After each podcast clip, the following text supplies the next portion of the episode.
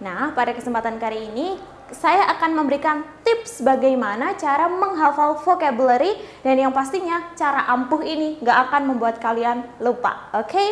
Well, sering nggak sih ngalami suatu kondisi di mana kita sering menghafal vocabulary udah berjam-jam, udah berhari-hari kita menghafal, tapi esoknya kita lupa dan nggak tahu di mana itu vocabulary yang udah kita hafal. Sementara kita tahu sendiri kan bahwa vocabulary itu merupakan fundamental bagi seseorang untuk belajar bahasa Inggris. Semakin banyak vocabulary yang dihafal, maka itu akan menjadi tolak ukur kesuksesan seseorang dalam mempelajari bahasa Inggris. Sebelum masuk ke dalam tips yang pertama, saya sarankan untuk kalian mengerti dulu tentang part of speech, yaitu jenis-jenis kata di dalam bahasa Inggris. Bagi yang belum tahu tentang part of speech, ini di sini, mungkin di sini atau di sini akan ada linknya, oke? Okay? Well, Langsung aja kita masuk ke tips ampuh yang pertama. Ini tips yang sering sekali ya aku gunakan sendiri dalam menghafal vocabulary. Yang pertama, contohnya nih di sini sudah ada. Oke. Okay? Aku punya kata yang pengen aku hafal. Contohnya, ini aku punya kata beauty. Oke. Okay? Beauty itu sendiri kemudian aku buat ke dalam bentuk noun verb, adjektif, sama adverbnya. Dan dengan cara seperti ini, ini akan memudahkan sekali bagiku menempatkan kata itu di dalam kalimat, di dalam suatu klausa seperti itu. Yang pertama, dari kata beauty ini, oh ternyata nounnya ini beauty, begitu. Kemudian verbnya apa sih? Verbnya itu beautify, oke? Okay? Setelah verb, kita harus ada nih adjektif dari beauty itu apa? Beautiful. Adverbnya beautifully.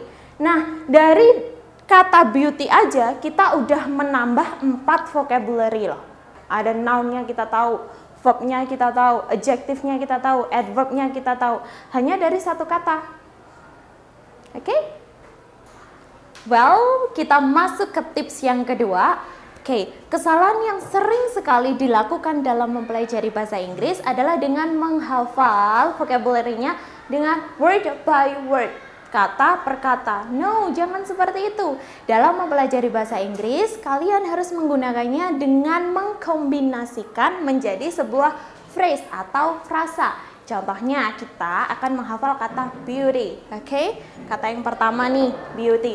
Nah, kita buat phrase dari kata beauty itu. Phrase yang paling umum kita gunakan beauty skin. Oke, okay, beauty skin. Setelah itu kita tambah lagi phrase-nya agar lebih menantang. Contohnya beauty skin care. Kemudian kita tambah lagi menjadi aromatic beauty skincare product. Nah, seperti itu. Terus saja buat dan ulang-ulang phrase-nya, kemudian baca keras-keras. Jadi, semakin banyak phrase yang kalian hasilkan, semakin banyak phrase yang dibuat, maka akan semakin meningkatkan kemampuan kita juga dalam berbahasa Inggris dan pastinya nih, kata yang kalian hafal nggak akan lupa.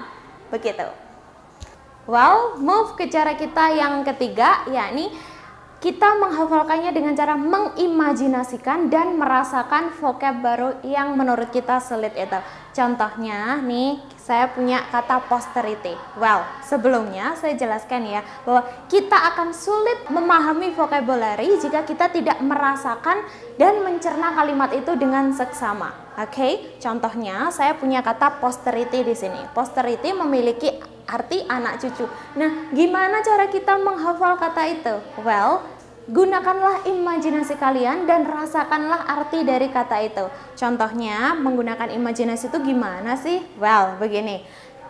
Untuk menghafal kata posterity, di sini ada kata poster. Oh iya, berarti kata kuncinya di kata poster di sini. Nah, saat itu saya sedang berjalan-jalan Tiba-tiba saya menemukan poster besar sekali dan di poster itu tergambar ini keluarga, nenek, ada cucunya, ada anaknya. Jadi dengan begitu kita bisa mengimajinasikan bahwa poster itu anak cucu begitu. Lebih mudah kan dalam mempelajari kosakata yang baru? Saya jamin dengan cara itu pasti akan melatih imajinasi kalian dan melatih kemampuan otak kanan kita. Well, jika Anda mengimajinasikan vocabulary yang ingin Anda hafal, pembelajaran bahasa Inggris itu dijamin akan sangat menyenangkan dan pastinya tidak akan membosankan. Karena